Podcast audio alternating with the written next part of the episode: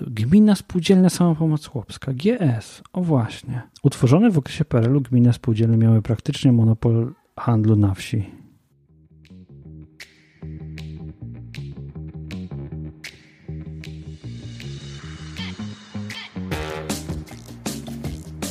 No cześć, to jest kolejny odcinek podcastu rowerowego i dzisiaj zacznę od tego, że dostałem od Was całkiem dużo informacji. Te informacje są, czy informacje, dostałem od Was całkiem dużo pozdrowień. Na przykład Cyprian napisał, że jest na wakacjach i podcasty towarzyszą mu każdego dnia. Dzięki za udostępnienie tak fajnej formy rozrywki, gdy jestem daleko od roweru. I takich różnych pozdrowień przychodzi całkiem sporo, mm, a to jest bardzo motywujące. Przyznam, że to motywuje do tego, żeby nagrywać kolejne podcasty, żeby siadać przed mikrofonem i do Was mówić. Dzisiaj chcę Was zabrać na małą wycieczkę. Na małą, ponieważ na duże wycieczki nie znajduję czasu, ale na takie trzy godzinne, owszem. I to jest wycieczka, hmm, którą sobie zaplanowałem. Wiedziałem, że będę Mm, że będę na Podkarpaciu. Wiedziałem, że jeżeli się bardzo postaram, to znajdę trochę czasu na to, żeby pokręcić. Ten czas przeważnie u mnie znajduje się wtedy, kiedy wstanę bardzo wcześnie rano kiedy mogę sobie pokręcić. I co? Pojechałem do miejscowości, która nazywa się Lubaczów.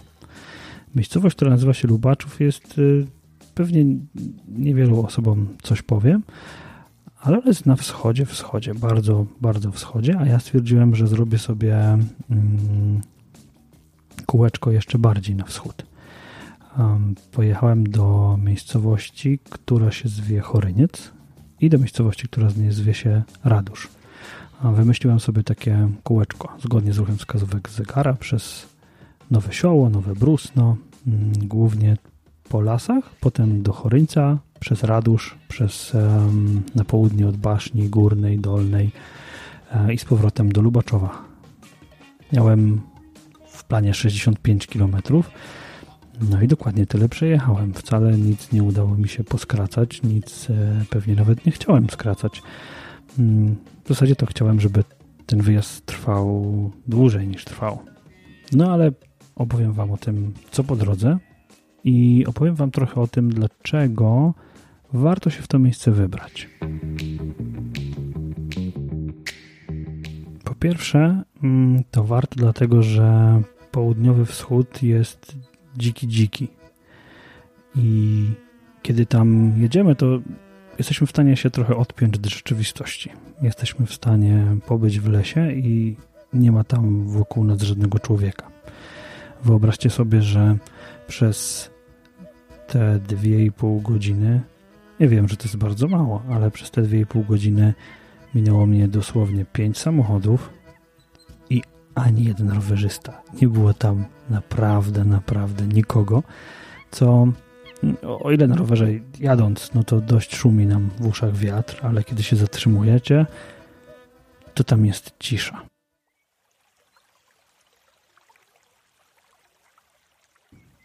Taka totalna cisza. No i oczywiście, ja wiem, że była 6 mhm. rano i o 6 nie ma co liczyć na to, że w lesie będą tłumy ludzi, ale no tak było.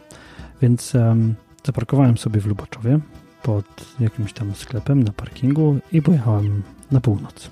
Na północ miasta wjeżdża się bardzo szybko, bo to jest malutkie miasteczko i szybko skręca się w um, bardzo fajną szutrową drogę, która, na której możemy znaleźć fragmenty linii Mołotowa. Tam sobie szła linia Mołotowa. Jak ktoś nie wie, co to jest linia Mołotowa, to będzie sobie musiał wy wikipediować albo wygooglać, albo, albo gdzie indziej poszukać. Może wybrać się do biblioteki.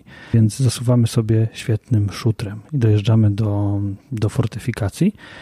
E, wrzucę Wam oczywiście zdjęcie tego, co to było. Może nawet opiszę, co to było, bo przyznam szczerze, że to była chyba jakaś półkanoniera się to nazywa, czy, ale ja nie znam się na fortyfikacjach. W sensie było du duży betonowy klot z ładną opisaną tablicą, o co chodziło, więc będziecie sobie mogli na stronie przeczytać. Dla mnie świetne było to, że można było taką stradą bianką zasuwać, nie wiem, biały piach, beton, starty, nie wiem, cokolwiek to było. E, było twarde, jechało się po tym naprawdę świetnie. E, I tam prowadzi, prowadzi, sobie, e, prowadzi sobie ścieżka rowerowa. Potem sporo przez las i przez las i przez las i przez las i równie spoko, aż dojechałem sobie do mm,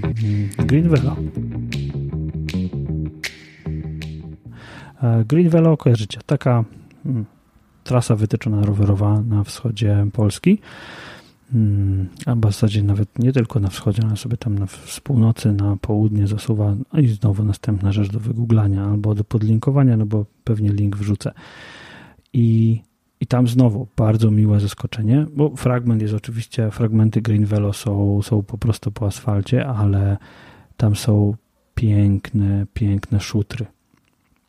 Naprawdę mniej więcej w połowie tej trasy, e, połowę tej trasy to są jakieś takie leśne asfalty od administracji lasów państwowych pewnie zapożyczone na trasę rowerową, ale część to właśnie cudowne szutry w lasach, gdzie są równe przede wszystkim, nie ma w nich wielkich dziur, i druga rzecz jest taka, że mm, no są fajne, bo są bardzo dynamiczne. Takie raz jedziemy sobie w prawo, raz w lewo i um, dużo takich, dużo fajnych zakrętów w lesie, czyli są poprowadzone pewnie jakimiś starymi, e, starymi ścieżkami, bo nie sądzę, żeby ktoś dzisiaj tyczył takie, takie drogi takimi dziwnymi zawijasami.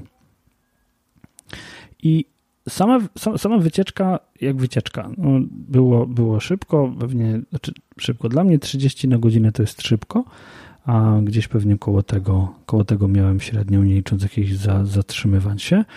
Mm, i, i to jest za szybko. To jest na, moim zdaniem, na ten rejon to jest dużo za szybko, bo miałem ochotę 100 razy się zatrzymać i zrobić zdjęcie jakiemuś, um, jakiejś zagrodzie albo um, jakiemuś miejscu, albo jakiemuś bagienku, bo tam bagienek jest dużo, albo jakiejś rzeczce, albo kwiatkowi, albo czemuś tam i najchętniej to ujeżdżałbym 10 metrów i się zatrzymywał i robił zdjęcia i tak dalej. Mm, ale nie było na to przestrzeni, żeby to zrobić, więc zasuwałem i co mi się udało złapać, tym się chcę z Wami podzielić. Kilka ciekawostek, bo mnie zawsze jarają takie ciekawostki, kiedy, kiedy gdzieś jadę. To i teraz jakkolwiek głupio to może zabrzmieć, zabierzcie ze sobą sporo wody i jedzenia, bo o ile w tych większych wsiach to, to możecie sobie kupić coś, bo jest po prostu sklep, o tyle w tych mniejszych sklepów nie ma. Były kiedyś sklepy GS, to się chyba nazywało, jak się nazywało GS? Gmin, gminna samopomoc? Wiecie co, ja muszę sobie to wygooglać. O co chodziło z GS-ami? GS sklep. G S. Sklep. Co to? Gmina Spółdzielna Samopomoc Chłopska. GS. O właśnie. Utworzone w okresie PRL-u gminy spółdzielne miały praktycznie monopol handlu na wsi. O, i to właśnie. No więc jakby usłyszałem historię, że kiedy, mm, kiedy były sklepy GS-u, to niezależnie od tego, czy w wiosce było um, 3 domy, 5, 11 czy, czy, czy pół, to ten sklep funkcjonował. Był otwarty powiedzmy dwie godziny przed południem, dwie godziny po południu, ale był. Dzisiaj okazuje się, że czegoś takiego już nie ma. Nie ma tych sklepów i przez to, że nie ma tych sklepów, nie ma ludzi, którzy, znaczy ludzie nastawili się na biznes, no nie ma się co, um, nie ma się co oszukiwać. No pewnie też nie prowadziłbym sklepu, w którym nic nie, nikt nie kupuje.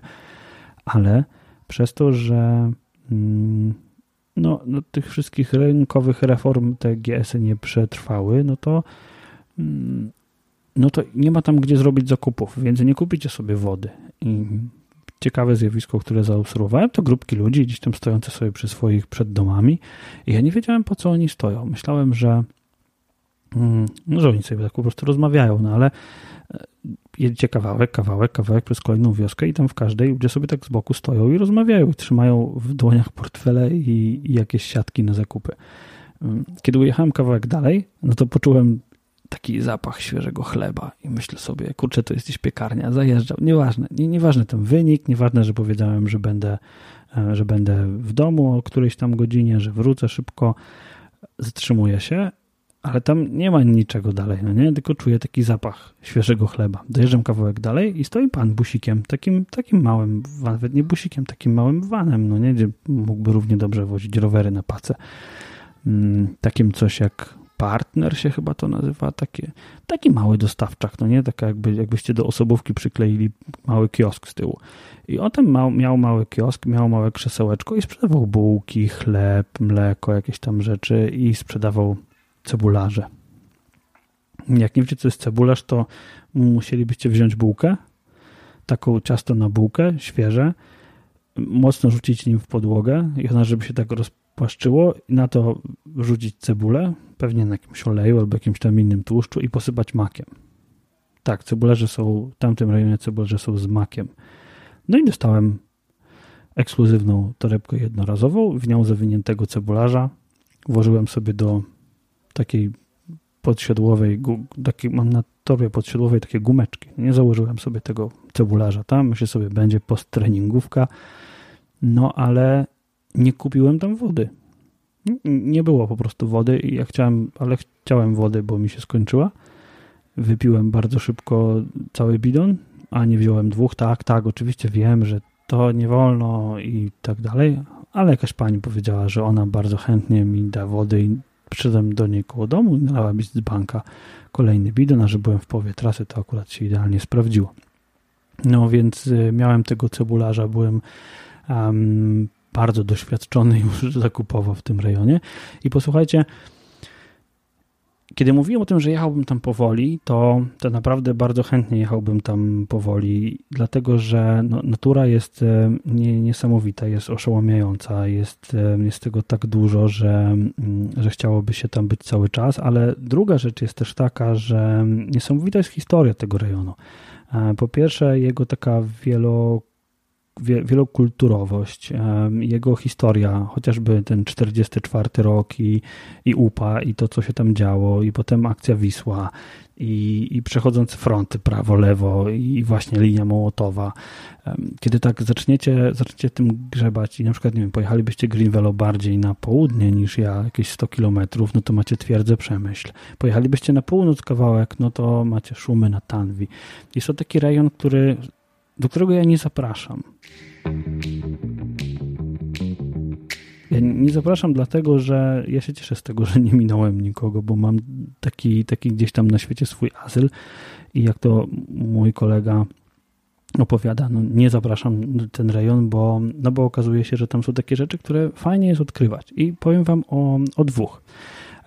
Pierwsza, e, pierwsza rzecz dotyczy dwóch rodzajów krzyży. Mnóstwo jest tam krzyży. W ogóle jeżeli jedziecie sobie, jedziecie sobie w ten rejon Polski, tam jest mnóstwo, mnóstwo różnych krzyży i na niektórych są na przykład napisy, które wyglądają nam dzisiaj trochę jak, jak na rosyjski, ale jak zacząłem drążyć temat, Mm, podeślę wam stronę, na przykład jest taka strona Choryniec Info i, i z tej strony sporo rzeczy możecie się dowiedzieć i jest druga strona e, kamiennekrzyże.pl i tam też jakby macie lokalizację tych różnych kamiennych, niekoniecznie kamiennych krzyży i tak dalej.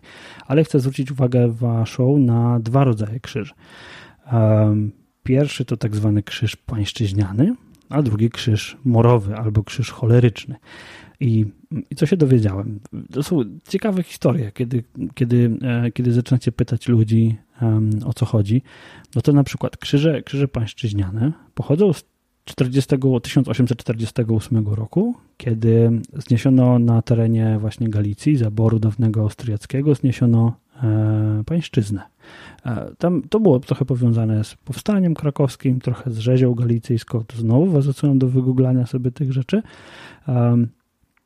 I, i te krzyże, y, no ale niektóre były tam oczywiście w 50 roku, niektóre w 49. To się nie działo tak, że nagle pyk, pyk i, i, i wszystko i, się, i to miało już działać, ale, mm, no ale tak wyglądało, no nie? Więc jakby z tego, co mówi na przykład strona Choryniec Info, no to zniesienie pańszczyzny w 1948 roku, 1848 roku było niezwykle doniosłym wydarzeniem w Galicji. Cesarz nakazał stawienie z tej okazji pomników, które były na wieczną pamiątką dobroci panującego. I w specjalnych rozporządzeniach z tej okazji znaleźć można było wskazówki, które mówiły o tym, gdzie stawiać takie pomniki, co ma być na nich napisane i, i dzisiaj no, okazuje się, że głównie stawiono wtedy krzyże, tak? I on jest głównie stawiony przy jakiejś głównej, e, głównym skrzyżowaniu dróg, przy jakiejś drodze i tak dalej i zawiera zdanie, że jest to pamiątka zniesienia pańszczyzny. I wrzucę wam zdjęcie jednego, który moim zdaniem jest e, jest niesamowity. Jest taki, taki, hmm, no, u mnie budził tak, zatrzymałem się natychmiast, jak go zobaczyłem. Nie? Okazuje się, że to jest kilkaset metrów przed miejscowością Huta Kryształowa się znajduje i, e, I właśnie tam jest inskrypcja w języku ukraińskim. Czasami się zdarzają też inskrypcje w języku starocerkiewnym. To, wygląda to jak runy w ogóle. Więc postawiono, ten, postawiono krzysztof na pamiątkę wieczną nadaje nam wolności od pańszczyzny 3 maja roku 1848 parafii Syniawki fundator Fetko Merka. I to jest taki właśnie y, klasyczny, klasyczny krzyż. I kiedy popatrzycie na to, to w ogóle ja miałem, ja miałem ciary, jak, jak tam przejeżdżałem, dlatego że no, to nie jest coś, co się spotyka wszędzie. Nie? A druga rzecz, która wywołała u mnie mm, trochę zdziwienie właśnie, nie tyle, nie tyle ciary, o ile ten pierwszy to tak, no to druga um, to jest krzyż morowy lub czasami też zwany ka, kara, karawak, ale karawak to jest taki bardzo charakterystyczny. Um, Kwestia jest taka, że jest normalny krzyż, na przykład beton, znaczy nawet nie, jakiś odlewany na przykład, e, z jakiegoś tam pewnie betonu, czy może nie betonu, ja nie wiem, nie wiem co to był za materiał. No taki jak wygląda jakby to było z kamienia, więc może to był po prostu kam, kamienny krzyż wy, wykuty, a, a był malowany na biało. Um, I normalnie wisi sobie na nim Chrystus, a pod spodem jest czaszka i kostuszki i myśl sobie, o no tak, no Golgota i w ogóle, no nie? No ale okazuje się, że zupełnie nie. Że to jest tak zwany krzyż murowy albo, e, albo krzyż mm, e, albo krzyż e, choleryczny. No i teraz możemy znowu przeczytać na stronie Choryniec.info, że w wielu miejscach okolicy Choryńca można znaleźć charakterystyczny krzyże, gdzie pod podobizną Jezusa jest złowieszczy symbol czaszka i skrzyżowane piszczele. Pasjonaci symboliki religijnej uważają, że to oczywiście męczeństwo. Tymczasem e, w tym rejonie upowszechniło się inne znaczenie i te krzyże kamienne z symbolem czaszki z piszczelami stawiane były w intencjach związanych z panującą zarazą. I na przykład w Choryńcu na przysiłku Ruda, dokładnie na, po, na polach północnych, stoi masywny taki właśnie kamienny, e, kamienny krzyż. No i wiadomo, że jest tam fundatorem Stanisław Haresymowicz. No i e, no, historia jest taka, że jakby była choroba, najprawdopodobniej to był tyfus i akurat tej rodziny Mm, która w tej okolicy potomkowie do dzisiaj mieszkają, no to w podzięce został postawiony taki krzyż. Co jest ciekawe, co się dowiedziałem już po całej tej, tej wycieczce, no to mm, w czasie zagrożenia, w czasie jakiejś takiej epidemii budowano takie krzyże, takie choleryczne czy mm, epidemiologiczne, ale to, to jest ciekawa sprawa, bo one miały blokować drogę zarazie. I w czasie epidemii, co jest ciekawe, mm, stawiono takie krzyże na przykład na granicach wioski. Tam jakaś była cała historia, że musi być postawiony przez jedną noc, jednego kawałka drewna, w tym samym, jeżeli zaczęło się w nocy go budować, to w nocy musi być postawiony i tak dalej, i tak dalej, i tak dalej. Tą całą historię możecie sobie takiego, takich krzyży morowych um, możecie sobie poczytać, ale najczęściej to był, to był jeden krzyż morowy, no nie? ale czasami się okazało, że okazywało, że ich było więcej, bo wierzono, że skuteczność, oczywiście gwarantuje to wykonanie z jednego kawałka w nocy, ale że najskuteczniejszą ochroną było ustawienie takiego krzyża na każdym krańcu wsi i roz, rozsnucie nici pomiędzy tymi krzyżami. No nie?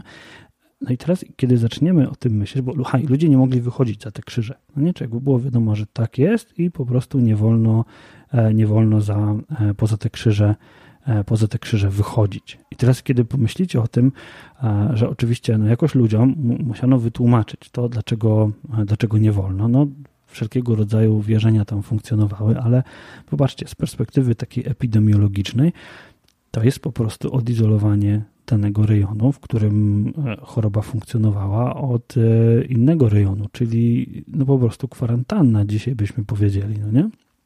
Że no, e, no niestety trzeba było jakoś, jakoś wymyślić, jak ludzi jednych od drugich oddzielić, żeby się choroba nie rozprzestrzeniała, no nie?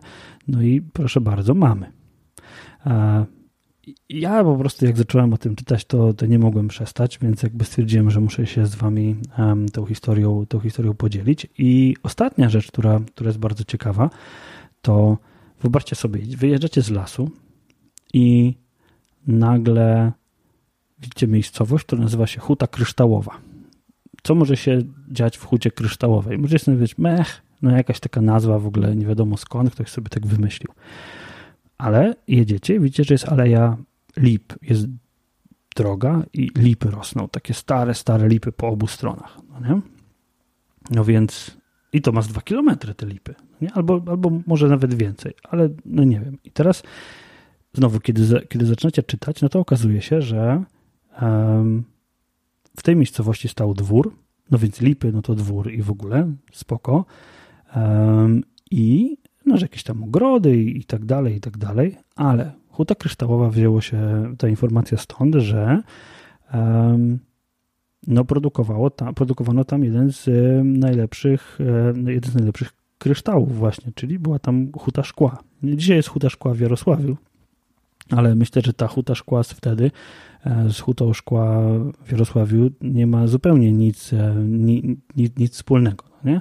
E, więc ta huta kryształowa to było takie małe osiedle i tu znowu możecie sobie przeczytać, taka strona jest sobieski.lubaczów, lubaczow.com.pl i, i tam możecie sobie też przeczytać o tym, że pod względem znaczenia dla dziedzictwa kulturowego to jest jedna z najważniejszych okolic tego, tego rejonu i tam była huta szkła kryształowego i działała sobie, działała sobie elegancko na początku XVIII wieku i wytwarzała najwyższej jakości szkła luksusowe, jak to się mówi ładnie. I to były naczynia, oczywiście, żerandole mm, i no i przestała istnieć. No nie?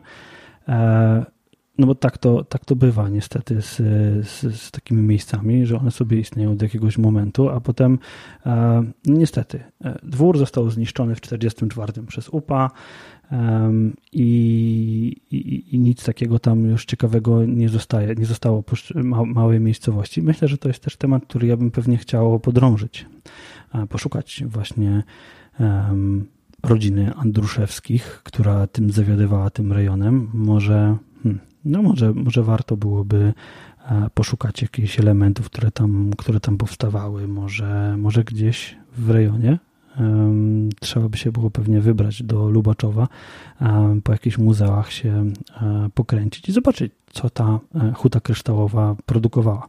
No ale jak, jak zobaczycie, że taki krótki wyjazd, byłem 2,5 godziny, a przysporzyło to mnóstwo ciekawych, mnóstwo ciekawych historii, i, i, i takiego, hmm, do takiego zadziwienia tym, że tak bardzo mało wiemy o rejonach, których, do których jeździmy i tak dużo możemy dzisiaj wyeksplorować, tak dużo możemy znaleźć informacji na ten temat, na temat takich mijanych, mijanych miejsc. Więc z jednej strony chcę Wam bardzo polecić to miejsce, a z drugiej strony nie zapraszam w nie, jakkolwiek dziwnie może to zabrzmieć. Fajnie, że takie miejsca są, fajnie, że takie miejsca możemy odwiedzać, że one są dostępne i myślę, że coraz więcej tych ścieżek rowerowych będzie przed nami takie um, tematy odkrywało. Jak do tego podejść tylko teraz pomyślcie, żeby, hmm, żeby dowiadywać się o takich miejscach. Dziękuję Wam um, również za, jeszcze raz za, za, za wszystkie um, za wszystkie komentarze, które, które dostałem. Niestety nie dostałem żadnej, żadnej opinii na e, na iTunes, więc w związku z tym, że nie dostałem żadnej opinii, to książka została niewygrana.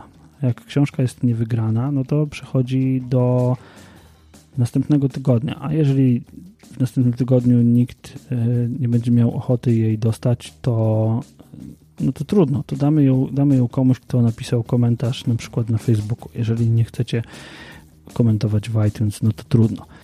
No i, i myślę, że i myślę, że to jest, to jest dobry, dobry, dobra rzecz na koniec, żebyście szukali tych małych swoich przygód i też zastanawiali się, co mijacie. Bo to jest takie, wiecie, przejeżdżamy koło czegoś, robimy temu zdjęcie, a potem szukamy w internecie, co to było. To jest fajne. Dziękuję bardzo za uwagę. Dajcie znać, czy, czy takie opowiadanie się Wam podobało.